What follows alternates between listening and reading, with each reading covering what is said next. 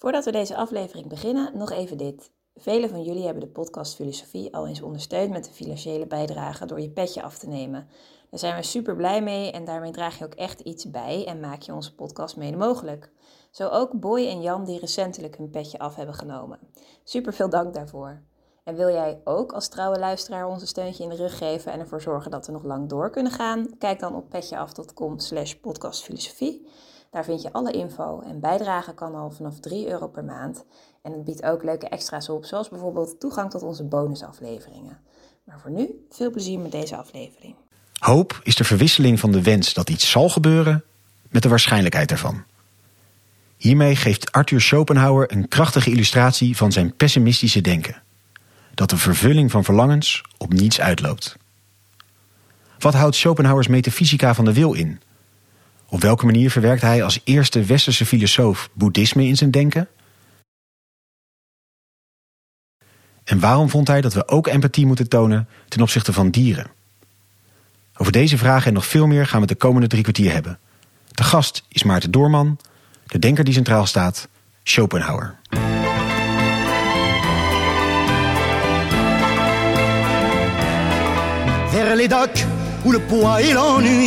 Me courbent le dos. Dag, goed dat je weer luistert naar een nieuwe aflevering van de podcast Filosofie van het Centre Erasme, School voor Filosofie in Frankrijk, Vlaanderen en Nederland. Mijn naam is Allard Amelink en het concept is wel bekend. Een hoofdgast, een presentator en een sidekick. En in ongeveer 45 minuten duiken we in het denken van één filosoof. En op enige afstand van mij zit Letitia Hoebe.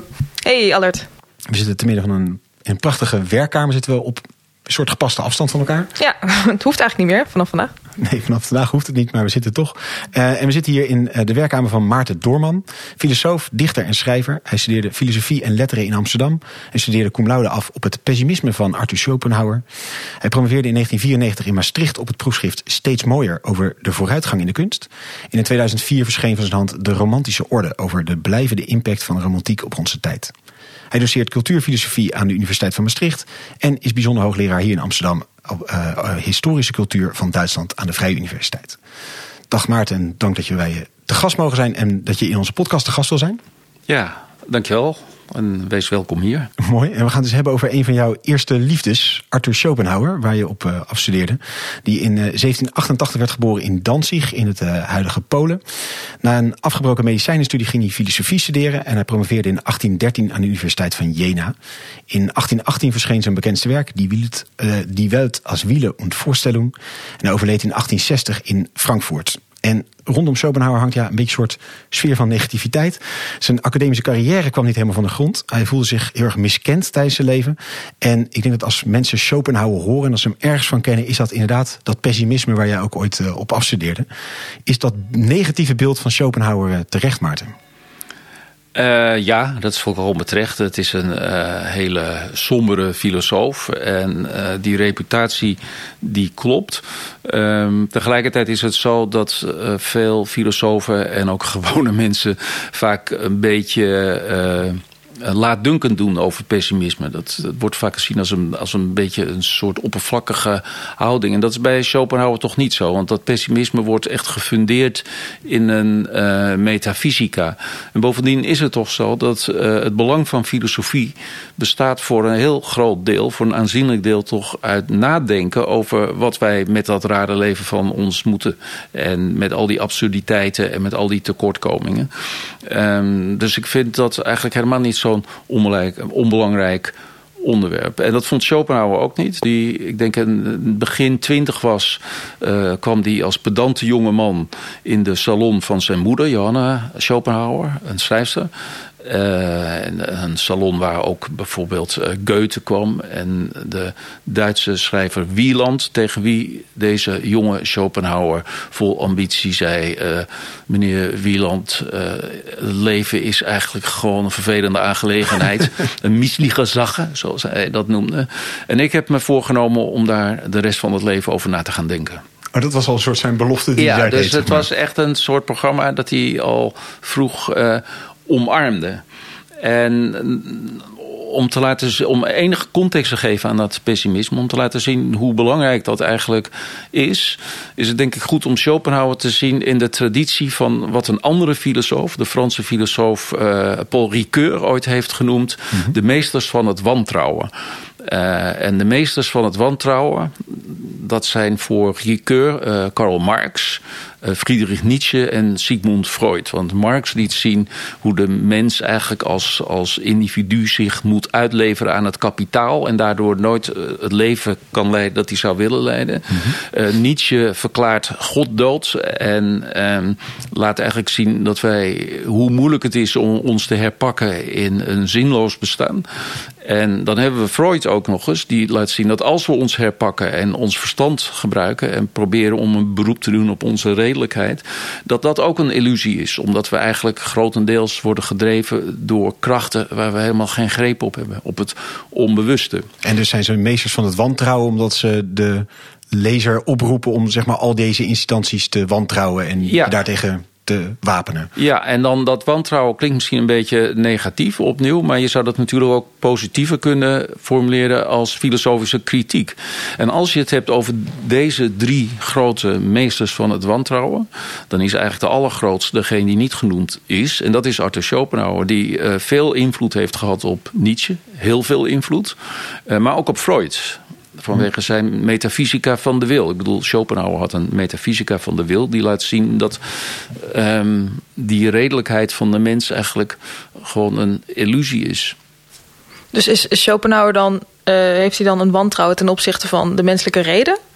Is dat waar zijn wantrouwen uit bestaat? Ja, ja Schopenhauer um, uh, betoogt in zijn filosofie dat eigenlijk alles, niet alleen de mens, maar ook dieren, planten en uiteindelijk zelfs dingen, een manifestatie is van een soort blinde oerwil. Eh, of een objectivatie, zoals hij dat noemt. Een soort blinde oerenergie die niet positief of negatief is, die we niet kunnen kennen. Uh, daarmee doet hij een beroep op Kant. Um, en dat heeft tot gevolg dat um, eigenlijk wanneer wij ons verstand gebruiken, dat dat iets heel abstracts is dat maar weinig greep krijgt op, die, op al die oerkrachten. Schopenhauer heeft het dan over, over het, het gebruik van begrippen, wanneer het gaat over het verstand of de reden. En hij zegt dat zijn uh, voorstellingen van voorstellingen. Wat hij daarmee bedoelt is dat. Um, de wereld om ons heen een voorstelling is. Uh, in die zin van, uh, van een, een, nou, bijna een droom wordt het bij hem. Maar de begrippen waarin we die wereld proberen te vatten als filosoof, die zijn nog eens een keertje voorstellingen van die voorstellingen. Die zijn heel abstract. Die zijn, zoals hij wel eens heeft gezegd over begrippen, dat is gek voor een filosoof, dat je eigenlijk zo kritisch bent over het materiaal waar je zelf mee werkt. Ja, Dat je zo kritisch bent op filosofie als je zelf filosoof bent. Maar over begrippen heeft hij wel eens gezegd uh, dat zijn uh, begrippen zijn wegen im walde die ohne Aussicht endigen. Dus begrippen dat zijn eigenlijk wegen uh, die door, een, door het bos lopen, maar die, die altijd in het niks eindigen, in het donker. Um, nou ja, dat is een van de typische paradoxen van de Schopenhaueriaanse filosofie. Dat je filosoof bent, maar eigenlijk ook een enorm wantrouwen hebt in het materiaal dat je gebruikt. En daarom is ook de kunst voor hem bijvoorbeeld zo belangrijk omdat die beter kan doordringen tot eigenlijk die oerkracht die. Omdat je dan inderdaad een soort directere toegang hebt tot, tot, tot de kern van het bestaan. Uh, terwijl wanneer je in begrippen blijft formuleren.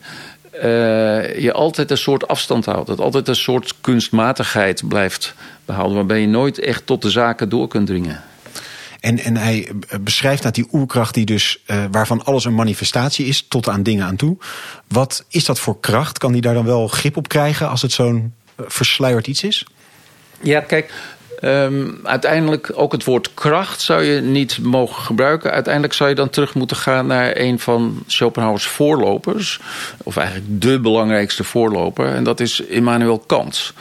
Uh, eigenlijk is Schopenhauers filosofie voor een groot deel gebaseerd op de filosofie van Kant. En Kant uh, probeerde een onderscheid te maken tussen de wereld zoals we die kunnen kennen. De wereld van de ervaring, de dingen om ons heen, dat wat de wetenschap bestudeert en dat wat we niet kunnen kennen en alleen maar kunnen vermoeden. Dus met andere woorden, metafysica. Dat waar we wel over kunnen speculeren, maar wat we nooit zeker kunnen weten. En Kant deed dat omdat hij het belangrijk vond om uh, metafysica aan de ene kant af te serveren. Hij zei dat is geen wetenschap, dat is speculatie. Maar aan de andere kant wilde hij ook niet het kind met het badwater weggooien. Het metafysische kind niet met het badwater weggooien. Omdat daar ook vragen bij zaten als bestaat God? Uh, is er zoiets als de oneindigheid van de kosmos? Het voortbestaan van de ziel? En hij zei dan kunnen we wel allemaal als wetenschappers daar lacherig over doen en dat allemaal afschaffen. Maar dat levert ons toch met een vervelend probleem op. Hoe moeten wij leven? Uh, wat is rechtvaardig? Uh, dat soort grote vragen willen wij toch beantwoorden. En dat doe je dan door te speculeren over iets waarvan je niet weet of het bestaat, maar waar je toch best iets over kunt zeggen. Nou, in dat domein, het domein van het ding aan zich, zoals Kant het noemt, dat wat we niet kunnen kennen, maar wat de wereld nog meer is, voor zover we de wereld niet kunnen kennen. Dat domein dat wordt door Schopenhauer beschreven als uh, wil. En Schopenhauer komt eigenlijk, introduceert dat op een hele mooie manier in zijn werk. Hij zegt, kijk, als ik, mijn, als ik naar mijn arm kijk of als ik mijn arm ophef, dan zie ik die arm als een object, als een ding tussen de dingen. Ik kan het zien, ik kan met mijn andere hand kan ik dat eh, vastpakken, dus het is een ding. Maar tegelijkertijd heb ik een unieke toegang tot die arm, dus tot mijn eigen lichaam, via introspectie. Want als ik die arm een tijd ophef, ik vertaal het nu een beetje vrij, hè, wat Schopenhauer zegt. Als ik mijn arm ophef, dan voel je op een gegeven moment toch een soort vermoeidheid. En als je maar lang genoeg omhoog houdt, wordt dat pijn. Dus er is iets in het lichaam um, dat iets wil vermijden en naar iets verlangt. Dat noemt hij wil. En dan wordt het al wat minder gek. En hij zegt dus ons lichaam kennen we eigenlijk op twee manieren. We kennen het als object, als ding. Maar we kennen het ook subjectief als wil, als een verlangend iets, als een leidend iets, als een strevend iets. En hij zegt, het valt nooit te bewijzen, maar het is heel aannemelijk dat je op die manier toegang hebt tot wat de wereld nog meer is, voor zover we hem niet kunnen kennen. En dat noemt hij dan wil. Je zou kunnen zeggen dat is een soort oerenergie. En die manifesteert zich als het ware op alle mogelijke manieren in de wereld. Um, en probeert op maximale manier ook te bestaan. Ja, dus de, alles is uiteindelijk een manifestatie van de wil, maar wij kunnen dat ontdekken via introspectie. En introspectie betekent dat wij proberen ons in te leven in onszelf en, en dan merken dat we onszelf op twee manieren kunnen ervaren: als ding of als object, net zoals andere dingen om ons heen, maar ook als iets subjectiefs dat uh, leidt en dat streeft. Dat probeert om, om uh, laat ik zeggen, lust najaagt en pijn probeert te vermijden.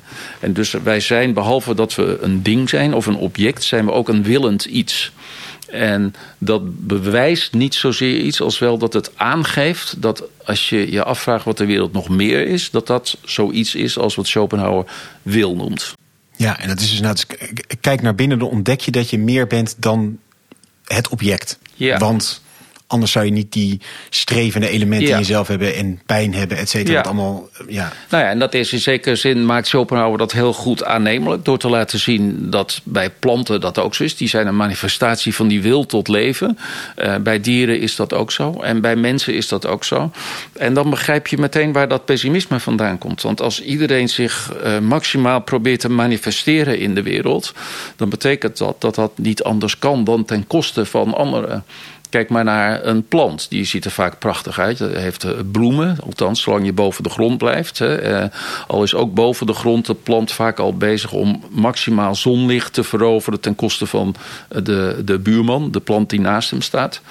Maar onder de wereld wordt het natuurlijk een hel. Want daar gaan die wortels als gekken tekeer. Om maximaal voedsel te veroveren en mineralen. En uh, wurgen ze hun buurman met het grootste plezier. Terwijl wij van boven die mooie bloemenpracht zien. Ja, nou, dat is eigenlijk een, een, Schopenhauer ten voeten uit. En dat ziet hij bij de mens, dat ziet hij bij dieren. Uh, iedereen is de hele tijd bezig zich maximaal te manifesteren. En mensen zijn daarbij zo slim om dat natuurlijk te verbergen. Ja. En dan nog een schijn uh, misschien de schijn op te wekken dat er iets van ethiek of moraal bestaat waarin we rekening zouden houden met elkaar. Ja, ten koste van onze eigen wil. Nou, dat is inderdaad dan wel een probleem. Als je met zo'n pessimistische metafysica uh, op de proppen komt, dan stelt zich meteen een, een morele vraag van hoe moeten wij ons tot elkaar verhouden. Uh, En zeker wanneer je zoals Schopenhauer zo'n wantrouwen hebt tegenover die filosofische begrippen, dan wordt dat lastig. En Schopenhauer zegt dan ook uh, ergens in een boek: uh, moraal predigen is leicht, begründen aber schwer. Dus met andere woorden, je kunt wel moraal preken, je kunt wel met allerlei morele beginselen komen, zoals al die filosofen om mij heen doen. Maar uh, probeer het maar eens te funderen. dat is helemaal niet zo makkelijk. En bovendien, zegt hij. Uh, als je met allerlei ethische beginselen komt, wat zijn collega-filosofen doen, dan zegt hij ja. Dat heeft eigenlijk helemaal geen zin. Want op het moment dat je een morele afweging maakt in het dagelijks bestaan, dan ga je niet een soort receptenboek raadplegen van hoe je moet handelen. Dus die begrippen waar hij, waar hij zo'n wantrouwen tegen had, wel als filosoof, dat zijn alleen maar abstracties. Dus waar het om gaat in de moraal is volgens hem. Um, dat je in de ander iets herkent van het eigen lijden. Dat je ziet dat hij eigenlijk ook zo'n lichaam heeft als jijzelf. En in die directe herkenning komt het wel eens voor dat mensen moreel handelen. Want Schopenhauer is daar eigenlijk heel somber over. je zegt in de ander dat lijden herkennen. Eh, we waren nog niet op het punt dat het in zichzelf ook vervelend is dat voor een individu dat die manifestatie van die wil je drijvende kracht is. Want ik snap hem in de strijd tegen elkaar. Hè, en de, de, bloemen die met wortels elkaar lopen te verdrijven. Waarom is het voor mijzelf ook een pijnlijk iets? Omdat ik op die ander bots? Of omdat het ook voor mezelf intern iets vervelends is? Het is ook voor onszelf intern is het heel vervelend. Omdat uh, wij als het zo is dat wij een manifestatie zijn van die wil, dan bestaan wij uit begeerte en uit verlangen. En voor Schopenhauer is die begeerte en die verlangens dat wij willen, dat is het positieve. En heb je het eenmaal, dan is, het, dan, dan is aan je verlangen voldaan. Maar Schopenhauer noemt dat gek genoeg het negatieve. Je zeggen dat is raar. Als je iets wil, dat is negatief. Je hebt het nog niet. En als je het hebt, dat is positief, want dan heb je het. En Schopenhauer draait dat om. Die zegt als je iets wil, dat is het positieve. Leven is namelijk willen. Leven is willen, leven is lijden, leven is streven. Maar zo gauw je iets hebt, uh, verdampt de waarde subiet. Uh, het is als een kind dat de hele tijd verlangt om een cadeautje te krijgen. en als het kind eenmaal het cadeautje heeft, het pakt het uit. En binnen vijf minuten flikkert hij dat cadeautje in de hoek. En is het plezier voorbij en wil hij weer een ander cadeautje. En het is zelfs zo dat wanneer je niets meer wil, omdat je verveeld raakt door al dat willen en door die teleurstelling, dan heb je een gevoel van verveling. En wat is dat gevoel van verveling? Volgens Schopenhauer is verveling het verlangen naar nieuwe verlangens die je niet hm. meer hebt. Dus ook daar heerst de wil. Het is eigenlijk een, een heel somber mensbeeld dat hij uh, daar heeft. En het komt niet uit de lucht vallen, want ik zei net al, voor Schopenhauer is leven begeren is uh, daarmee lijden. En uh, een aantal mensen zullen daar meteen terecht iets anders in horen. Namelijk uh, het denken van het boeddhisme. En de overtuiging van het boeddhisme. Want ook daar heerst die, die, die opvatting dat eigenlijk steeds wij beheerst worden door onze begeertes. En dat die het leven zo beroerd maken. En dat je dat zou moeten loslaten en zou moeten opgeven. En het is echt fascinerend dat Schopenhauer in het begin van de 19e eeuw eigenlijk de eerste belangrijke westerse filosoof is die zo het boeddhisme omarmt. Hij, hij, hij las dat en ook de, de Indische filosofie, de Vedanta-filosofie met name. En uh, liet zich daar sterk door inspireren. En hoe is hij daarmee in aanraking gekomen? Uh, gaandeweg. Er was een vertaling van de Vedanta van een, een Persische vertaling van uh, die via Anquetil Duperron, meen ik, een Fransman uh, in vertaalde vorm naar Europa kwam. Er waren ook wat andere wetenschappers toen bezig met Indische talen en met Indische religie. Dus het kwam wel op, met name daar in, in Berlijnse academische kringen in het begin van de 19e eeuw. Maar om dat zo op zo'n serieuze manier in je eigen filosofie te integreren, dat was echt een grote stap in de filosofie. Maar je kunt je dat ook voorstellen bij Schopenhauer. Want als gezegd, hij was een leerling van Kant. Althans, hij was sterk beïnvloed door Kant. En Kant legt uit dat, wij, dat de wereld om ons heen eigenlijk het resultaat is van ons kennen. Wij kennen de wereld in tijd en in ruimte op grond van onze zintuigelijke ervaringen. En die structureren wij door ze in een kausaal verband te brengen met elkaar. En pas dan is die wereld er. Dat betekent dat de wereld eigenlijk ook een product is van ons kennen. Dat mag je eigenlijk niet zeggen zo. Maar, ehm, en daardoor zou je kunnen zeggen: de wereld krijgt iets van een droom de eerste zin van Schopenhauers hoofdwerk, Die Welt als Wille und Vorstellung, de wereld als wil en voorstelling, is: Die Welt ist meine Vorstellung. De wereld is mijn voorstelling. Hm. en daarin zit dat droomachtige karakter, wat je ook in het boeddhisme terugziet: het, het ijdele en in de Vedanta-filosofie, het, het illusieachtige van de wereld waar we in leven. Overigens, het woord voorstelling heeft bij ons natuurlijk ook de betekenis van uh, theater, van een toneelstuk. En ook die bijbetekenis zit er bij Schopenhauer in. Want hij was zeer belezen, onder andere in het Spaans baroktheater, waar hij dol op was. En daar hebben we allerlei uh, toneelschrijvers zoals Lope de Vega en, en Calderon, La vida es sueño, de leven, het leven is een droom. En ook dat past eigenlijk heel mooi in dat idee van die droomachtige werkelijkheid waar wij in leven en die Schopenhauer dus ook probeert te ontmaskeren, zal ik maar zeggen. Ja, want hij probeert dat te ontmaskeren, zeg je, want hij wil dat doorprikken dat het een droom is, omdat het reëel is, omdat hij wilde achter zit. Of hij wil dat doorprikken omdat die droom uiteindelijk niet zo'n heel fijn toneelstuk is. Het is eigenlijk meer een nachtmerrie. Dus zijn eerste zin, de eerste zin van zijn hoofdwerk had ook kunnen zijn: De wereld is mijn nachtmerrie. Hm. En hij biedt eigenlijk aan het einde van zijn boek een vergaande, maar ook nihilistische oplossing uh, voor dat probleem van het onvermijdelijke lijden. En dat is dat hij gelooft dat uh, de beste oplossing ligt in het ontkennen van die wil tot leven, in het niet leven, in het afsterven zoals. Um, zo, zo, zoals allerlei uh, heiligen van het boeddhisme dat doen. Maar ook christelijke heiligen of heiligen van andere godsdiensten. Dus het radicaal verzaken van het verlangen om verder te leven. En Schopenhauer denkt dat dat iets anders is dan zelfmoord. Wat hij zegt, de zelfmoordenaar, dit is al een hele makkelijke generalisatie, maar uh, uh, de zelfmoordenaar wil niet zozeer niet meer leven, maar die wil een ander leven. Ook daar is die wil tot leven eigenlijk nog, die heerst nog. En die roept dan ook uh, eigenlijk uh, woede op. En, en, dat is nog uit een verlangen eigenlijk toch nog? Dat is toch daar nog is nog steeds dat verlangen. Ja, om dat verlangen om niet meer te leven is een verlangen. En het gaat er juist om om dat verlangen eigenlijk als het ware te laten afsterven. Dus de, dus de, de, de wereld van de voorstelling... De voorstelling is een, een wereld waarin uh, het lijden voorkomt... Uh, door dus uh, die wil tot bestaan van de mens. En de uitweg daaruit is proberen afstand te doen van die wil of dat verlangen. Ja, ja. je zou, als je over jouw vraag echt goed na zou denken... hoe kun je een uitweg vinden in, uit, het tranen, uit het aardse tranendal... uit die onvermijdelijke cirkel van uh, wens en teleurstelling en leed...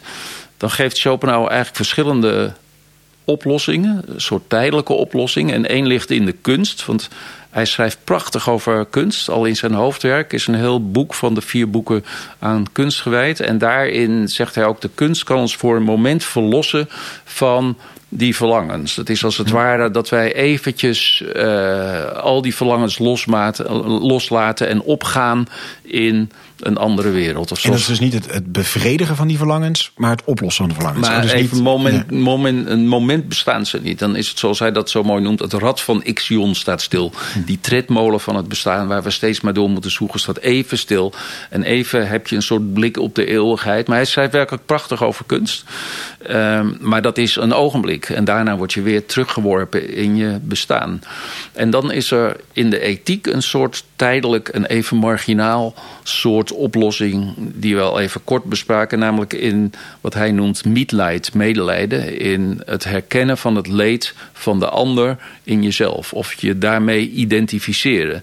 En ook daar zit enige vorm in van ontsnapping. Maar Schopenhauer zegt ten eerste is dat bijna altijd uh, vals. Mensen doen alsof, maar hebben daar belangen. Uh, en als dat niet zo is, dan is dat ook hoogst uitzonderlijk. Nou goed, daar zou je hem op kunnen aanvallen. Want uh, mijn ervaring is dat als er iets gebeurt op straat, als iemand valt of zo, dat er nog gelukkig altijd vaak best veel mensen zijn die de reikende hand bieden. Maar hij denkt dat dat echt heel uitzonderlijk is. En de echte radicale oplossing voor dat leed is als gezegd de, de, echte, de, ontkenning van de wil en het ontkennen van het leven. En dat is een vorm van nihilisme die, die, die heel radicaal is. En ook Nietzsche later zal provoceren tot, tot, tot echt een woedende reactie. Dus Nietzsche's hele idee van de Wille zur Macht en, en het bevestigen van het leven komt eigenlijk voort uit een reactie op Schopenhauer. Omdat hij zich lang heeft laten betoveren, zoals Nietzsche dat zelf noemde, door dat, dat pessimisme van Schopenhauer. Maar begreep dat dat zou leiden tot niet handelen, tot ontkennen van het leven. En een groot deel van de filosofie van Nietzsche, denk ik, is te begrijpen als één grote woedende reactie op dat nihilistische pessimisme van ja, Schopenhauer. Dus in plaats van dat je die wil moet loslaten en die verlangens moet ledigen, moet je juist het aangrijpen en handelen juist. Dus Ja. je moet het niet passief is- maken, maar actief. Dat ja, is dat Nietzsche's is antwoord. Nietzsche's antwoord, antwoord daarop. En dan komt Nietzsche ook met die beroemde formulering van eh, de eeuwige wederkeer. Waarin hij zegt, ja, misschien gebeurt wel steeds hetzelfde. Misschien lopen we wel eindeloos in die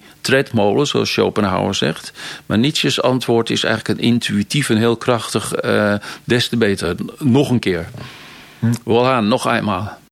En want dat zegt Schopenhauer dus ook, dus dat ook een eeuwige tredmolen is. Of is het in ons eigen leven een eeuwige tredmolen? Of is het een, een metafysisch gezien een eeuwige Het tredmolen? is ook metafysisch gezien een tredmolen. Voor Schopenhauer is het zo dat ehm, eigenlijk altijd hetzelfde gebeurt. En natuurlijk, mensen krijgen kinderen en kleinkinderen en sterven en worden geboren. Maar bij hem zit ook sterk de suggestie van, eh, nogmaals wat je in de Oosterse filosofie zit. Het, de, de gedachte van een wedergeboorte. Er gebeurt steeds hetzelfde. De individuen wisselen en denken dat ze uniek zijn. Maar eigenlijk is het steeds weer een soort wedergeboorte van nieuwe individuen. En hij zegt het script is eigenlijk al min of meer geschreven. Dus het, toneelstuk ligt daar, alleen de karakters veranderen. En ehm, daarin zie je ook hoezeer hij eigenlijk verschilt van tijdgenoten als Hegel bijvoorbeeld. Want Hegel is bij uitstek een historische denker. Die begrijpt de hele werkelijkheid als een zich ontwikkelend proces. Een dialectisch proces waarin het ene het andere oproept en dat gaat maar door. Terwijl bij Schopenhauer steeds hetzelfde gebeurt. Dus bij Schopenhauer is de tijd uiteindelijk een cirkel, zou je kunnen zeggen. Ehm, en daar, daarmee staat zijn filosofie haaks op de filosofie van Hegel. Overigens niet alleen in dit opzicht. Ja, precies. Want waar dat bij Hegel zit, en dat opzicht is een ontwikkeling in. En dat zou natuurlijk net bij Schopenhauer ook intrinsiek onlogisch zijn, omdat het gaat over onverlangde, vervulde verlangens. Dus ja, dat zou suggereren dat er een voortgang in zit, dan zouden die verlangens goed vervuld kunnen worden. En Ja, dat kan bij. Schopenhauer is het zo dat er eigenlijk altijd van een grote afstand bekeken hetzelfde gebeurt. Terwijl bij Hegel het zo is dat alles zich voortdurend ontwikkelt tot iets anders. Ja. Ja, en zich opheft en verder gaat. Ja. Ja. Op een hoger vlak of in ieder geval in een andere vorm. Ja. En, en, en je zegt dat die manifestatie van de wil zit zelfs ook in eh, dingen. Op welke manier uit het zich daar? Want ik kan denk ik in dieren en in eh, planten kunnen we het ons voorstellen. Maar Ja. Hoe ziet het zelfs ook in dingen terug? En, en is ook de fysieke manifestatie is dus ook komt voort uit die wil. Dus Zowel bij de Ja. mens de, de, gedachte is- als, de, als de fysieke uiting. Ja, dat is natuurlijk moeilijker te begrijpen, omdat je het bij dieren en planten en mensen, eh, eh, eh, laat ik het zeggen, is het min of meer zichtbaar of herkenbaar. Bij dingen wordt het iets moeilijker, maar Schopenhauer verwijst vaak naar wat hij zo mooi noemt de qualitates occultus, de, de verborgen krachten. En dat mag nog heel occult en raar lijken, maar wat hij eigenlijk bedoelt is dat uiteindelijk ook in de natuurkunde je altijd teruggaat op krachten die je niet verder meer kunt verklaren. Dat is eigenlijk tot op de dag van vandaag in de fysica natuurlijk nog Ja. steeds zo. En eh, ook die krachten zijn eigenlijk een uiting van de wil. Eh, en hij haalt ook allerlei filosofen aan. Soms rukt hij ze een beetje uit zijn verband, zoals eh, Spinoza bijvoorbeeld, die dan beschrijft hoe een steen beweegt. En dan eh, kent hij daar ook het woord wil aan toe. Ehm, maar Schopenhauer was ook goed op de hoogte van de natuurwetenschappen van zijn tijd. Dat volgde hij allemaal. En er waren allerlei processen die hij, eh, waarover hij las en die hij beschreef. En die hij goed kon ehm, relateren aan zijn eigen metafysica. En dan krijg je een heel raar verschijnsel. Dan krijg je iets wat eigenlijk niet kan. De zogenaamde empirische metafysica. Dus een metafysica die gaat over de wereld om ons heen. Die empirisch is. En dat is iets heel paradoxaals in zijn filosofie. Maar ook heel interessant. Omdat je telkens toch weer ziet hoe hij...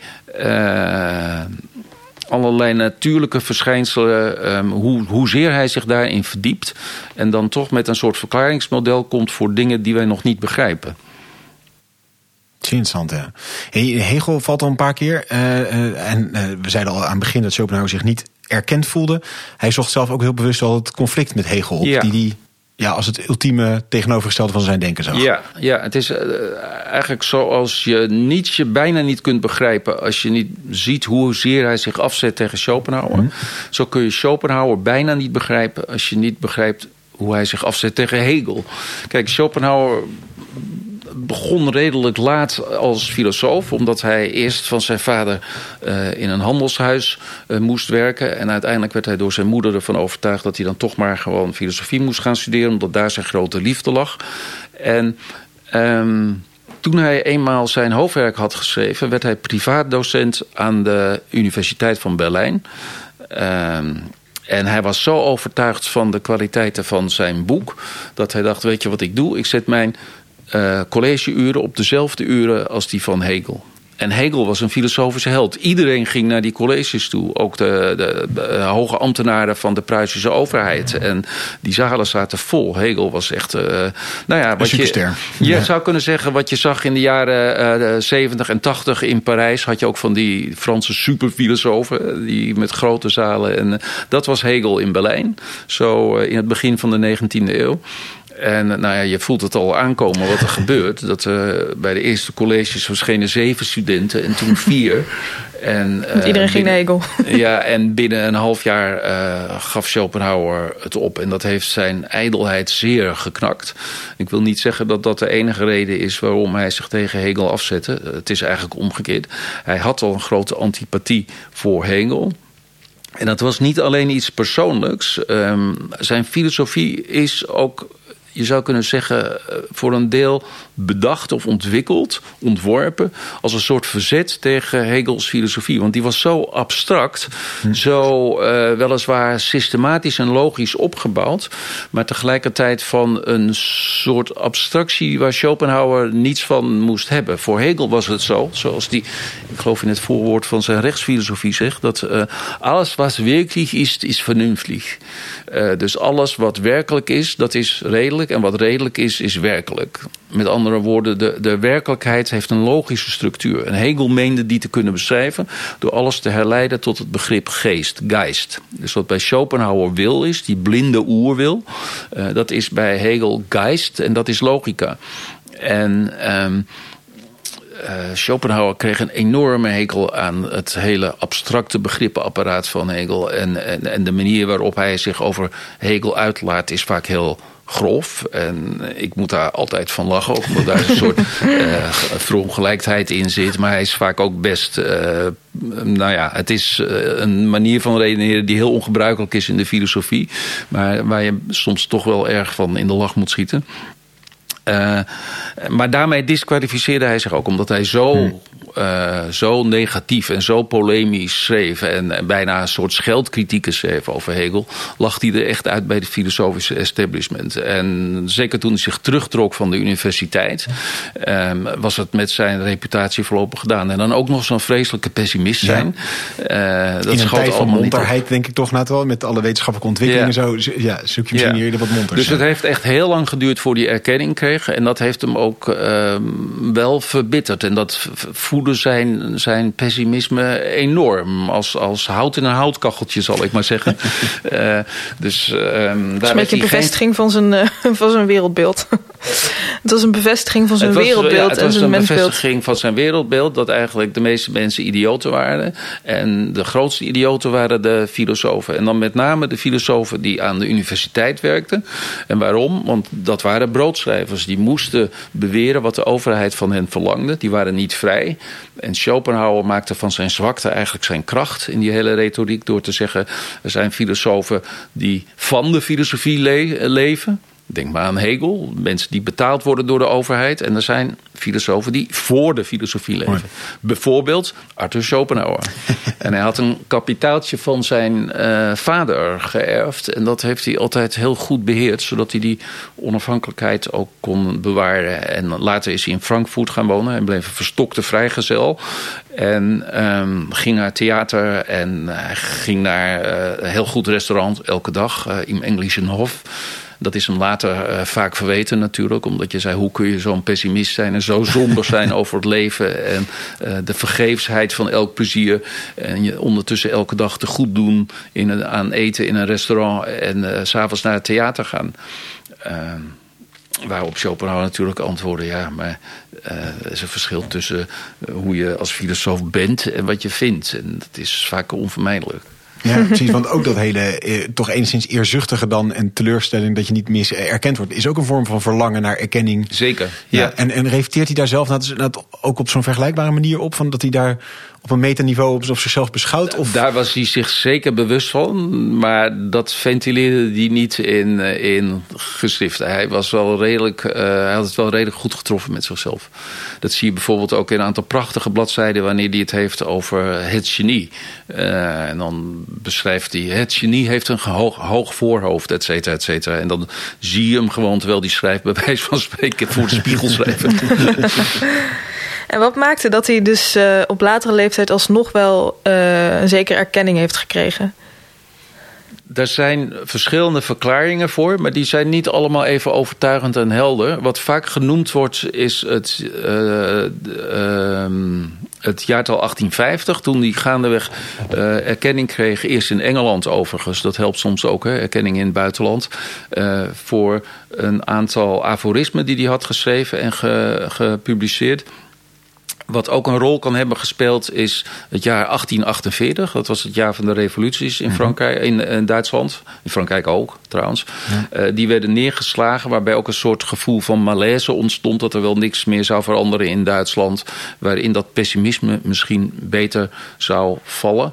Het is een beetje moeilijk te zeggen waarom hij uh, op een gegeven moment toch doorbrak. Mensen kregen misschien ook genoeg van de enorme invloed van Hegels filosofie het blijft een klein beetje speculatie. Aan de andere kant begrijp je het wel, want Schopenhauer is een ongelooflijk goede schrijver. Het is prachtig Duits en hij was buitengewoon belezen. En dat merk je aan zijn stijl. En hij strooit met citaten uit de wereldliteratuur. Hij is geestig. Hij, uh, uh, het is een hele rijke filosoof. In een, eigenlijk vooral in een aantal details van zijn filosofie. Misschien eerder dan in dat radicale pessimisme dat tot een ontkenning van het bestaan leidt. Ja, grappig. En ook te schrijven in aforisme maak je natuurlijk uiteindelijk ook vatbaar voor populariteit. In die zin dat je natuurlijk dan de toegankelijkheid ook ja. vergroot wordt. Ja. ja.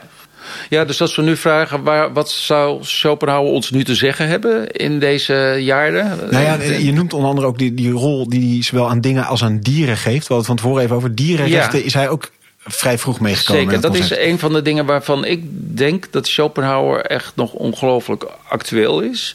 Hij is ook echt een van de eerste filosofen zeker de eerste belangrijke filosoof die uh, um, het leed van dieren eigenlijk serieus begint te nemen. En, en ook vindt dat we daar iets aan moeten doen. Nu is het soms zo dat mensen die heel erg hameren op uh, liefde voor dieren uh, veel minder van mensen houden. En dat geldt zeker voor een misantroop als Schopenhauer. Maar het zou ook flauw zijn om het daarmee af te doen. Want eigenlijk zijn argument, het argument van de empathie, dat in de filosofie weer veel meer op geld doet, dat is een heel krachtig, uh, heel krachtige manier om te laten zien dat dieren ook rechten hebben. En, en eigenlijk die discussie van de laatste decennia pas, die gaat terug naar uh, een belangrijk boek in de filosofie van Peter Singer van, ja. ik meen 50 jaar geleden inmiddels, of 40 jaar geleden. Maar dat gebruikt in de basis eenzelfde soort argument als wat Schopenhauer uh, gebruikt. Namelijk dat je in het dier uiteindelijk een manier van lijden herkent die wij ook hebben. En dat wij, dat wij daar een direct soort kennis van hebben. En dat we dat dus niet mogen ontkennen dat dat bestaat. Dat we daar op een of andere rekening mee moeten houden. Um, dus dat is een belangrijk element in Schopenhauers filosofie. Hoewel dat weinig systematisch bij hem is uitgewerkt. Maar duikt op allerlei momenten op. Ik denk dat Schopenhauer actueel is ook omdat hij zo geweldig schrijft vaak en zo geestig is en met allerlei uh, originele gedachten komt. Met name in zijn latere werk dat een soort los commentaar is op zijn hoofdwerk. En dat verzameld is in een, uh, in een dik boek, een tweedelig boek met de uh, titel die niemand kan onthouden. Pa erga und, en und paralipomena. Wat zoiets betekent als kriekjes en restjes die ik nog had liggen in het Grieks of bijwerk en restjes, zoiets. Maar, uh, dus hij schrijft heel mooi. En hij scherpt vaak ook op een hele goede manier je argumentatie over het menselijk handelen. Um, ik begrijp wel dat hij in een aantal opzichten gewoon nauwelijks meer te, te verteren is. Bijvoorbeeld in zijn opvattingen over vrouwen. Want hij was echt een, een, een vrouwenhater, zou je kunnen zeggen. Um, en dat is iets, denk ik, dat nu erg gedateerd aandoet. En, en hoe grondt hij dat in zijn filosofie? Heeft hij daar zeg maar binnen zijn filosofie een steekhoudend verhaal op? Of is dat...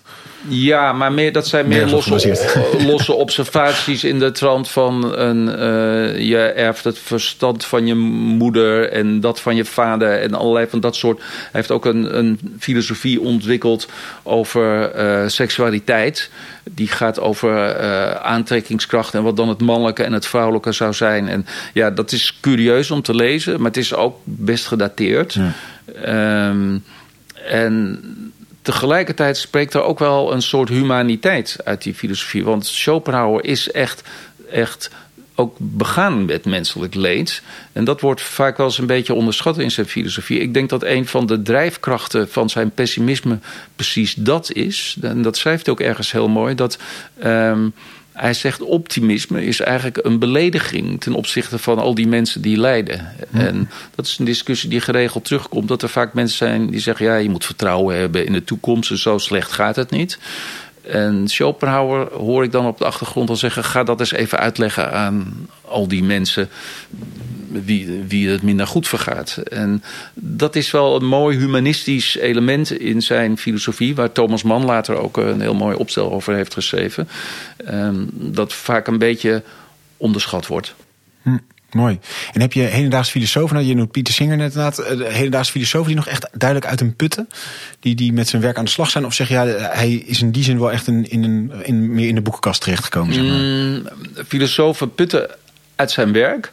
Uh, maar doen dat, zoals ik dat zelf ook doe, vaak uh, op het gebied van details. Omdat hij vaak ja. mooie observaties heeft over de kunst. Of uh, bijvoorbeeld iets wat Schopenhauer heel goed laat zien... is hoe wij onszelf voor de gek kunnen houden. Dus hoe wij bijvoorbeeld in de ethiek waar we het over hebben... allerlei regels verzinnen. En vaak ook als wij ons eigen handelen uitleggen en daarop reflecteren...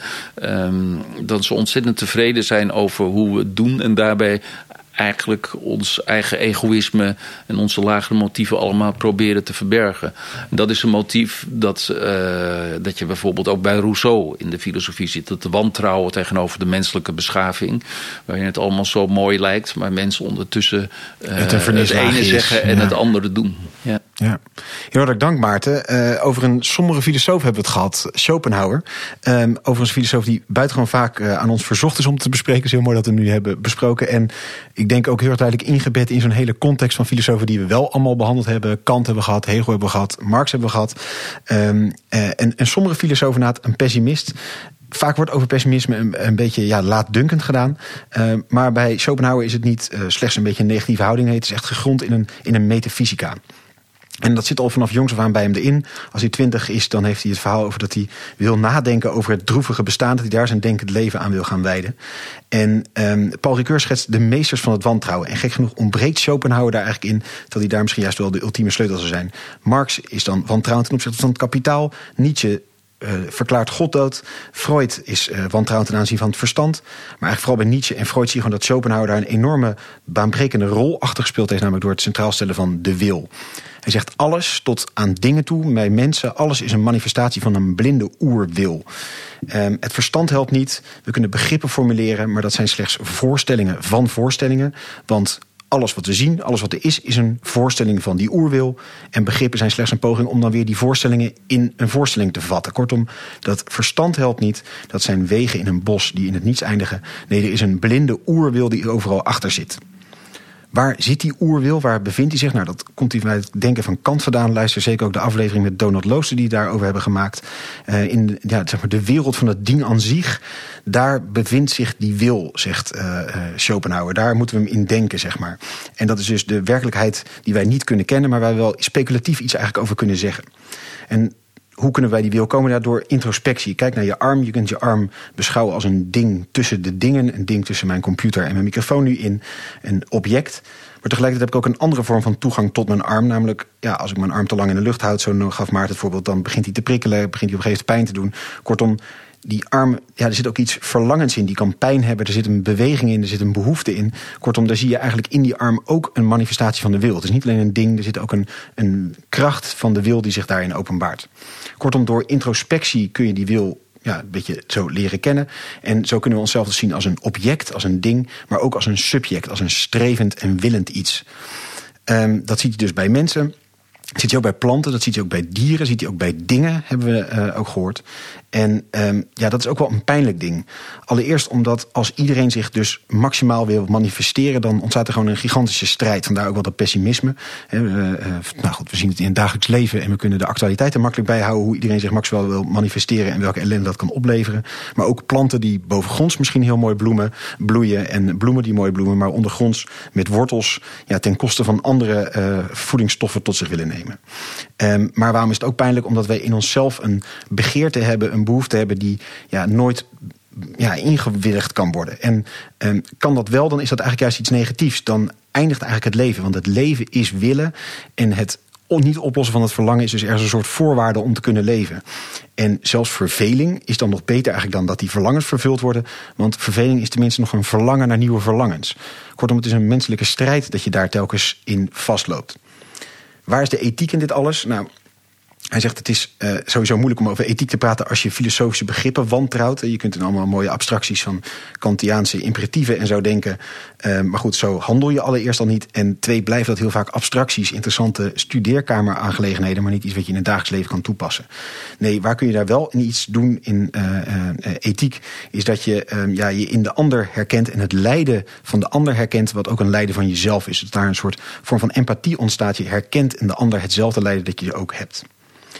Hoe moet je dan wel omgaan met die verlangens die in je zitten? Oplossen is dus niet, of bevredigen is dus niet de oplossing. En daar zie je wel de invloed van het boeddhistische, het oosterse denken in het uh, denken van Schopenhauer, waar die een van de eerste in was om dat uh, te integreren in zijn denken. Um, ook natuurlijk in het boeddhisme bijvoorbeeld komt naar voren hoe we beheerst worden door begeerte. En um, dat we dus dat niet moeten proberen te bevredigen, maar moeten um, ja, omarmen, of moeten proberen los te laten die verlangens. Dat dat de weg voorwaarts is. Um, meerdere routes. Dus dat is eigenlijk een ultieme. Het afsterven, het niet willen. Iets wat ook natuurlijk in de ascetische tradities van de woestijnvaders er zo voortkomt. Um, de kunst kan het komt soms op een heel kort moment doen. Een kort moment van verlossing bieden. Niet omdat het dus onze uh, zintuigelijke behoeftes bevredigt. Maar omdat ze heel even weg zijn, die uh, verlangens. En ook in die ethiek, in dat medelijden met de anderen. De ultieme medelijden. Dan kunnen we ook iets van die korttijdige verlossing van die verlangens ervaren. Um, vaak is dat alleen in het geval van ethiek vals, zegt uh, Maarten namens Schopenhauer. Um, dus het is zeer uitzonderlijk als dat een keertje gebeurt. Is zelfmoord nou ook een goede oplossing? Nee, want eigenlijk is zelfmoord alsnog ook een verlangen. Namelijk een verlangen naar het eindigen van dit leven of een ander leven willen hebben. Dus dat is niet de weg. Nee, dat loslaten van die verlangens zou zijn. Um, ja, dat uh, komt tot een enorm nihilisme, dus tot dat loslaten. En dat provoceert uiteindelijk Nietzsche, die eigenlijk niet te begrijpen is, zeg maar, te, zonder Schopenhauer te kennen. Die wil het zo macht is eigenlijk juist het omdraaien van de beweging van Schopenhauer. Niet het loslaten van die oerwil, maar juist het omarmen en volledig pakken om het leven te heersen. Um, en een tweede ding wat weer duidelijk van Schopenhauer terugzien in, in Nietzsche is de eeuwige wederkeer. Um, daar lijkt Schopenhauer toch ook naar door de Oosterse traditie beïnvloed te zijn. Dat altijd alles metafysisch gezien één grote wederkeer en wedergeboorte is. Het script is al geschreven, de tijd is een cirkel. En daar zien we ook het grote contrast met Hegel, waar juist de wereld een ontwikkeling doormaakte met de theses en antitheses en syntheses. Um, kijken we dan naar uh, het uh, denken verder van uh, Schopenhauer ten opzichte van zijn omgeving. Dan kunnen we Nietzsche niet begrijpen zonder Schopenhauer en Schopenhauer niet zonder Hegel. Hegel was de superster in zijn tijd, waar hij zich bewust tegen afzette, ook door zijn planningen. Um, hij verzet zich tegen de abstractheid van Hegel, die in allerlei grote structuren neerzet hoe alles kenbaar is door de reden en we alles kunnen vatten in die zin. Ja, daar tegenover zit Schopenhauer eigenlijk het absolu absolute tegenoverstelt, namelijk de blinde oerwil die op niets uh, te duiden is. Um, en hij is ook polemisch in die zin dat hij zegt, ja, al die universiteitshoogleraren die leven van de filosofie, ik leef tenminste voor de filosofie.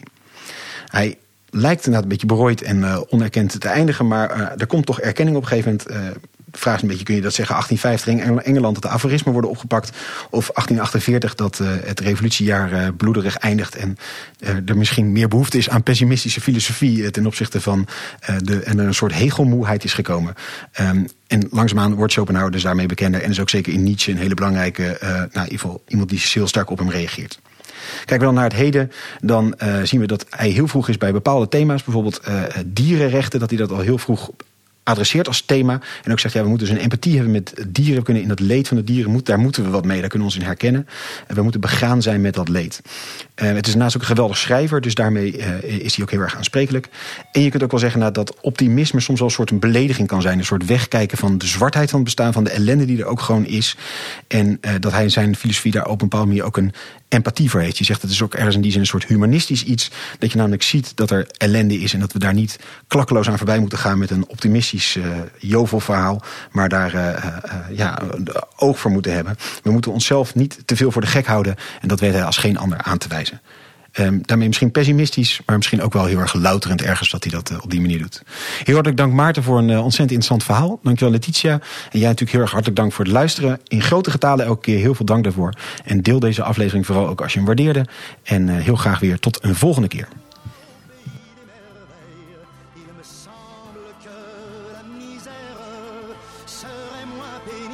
Emmenez-moi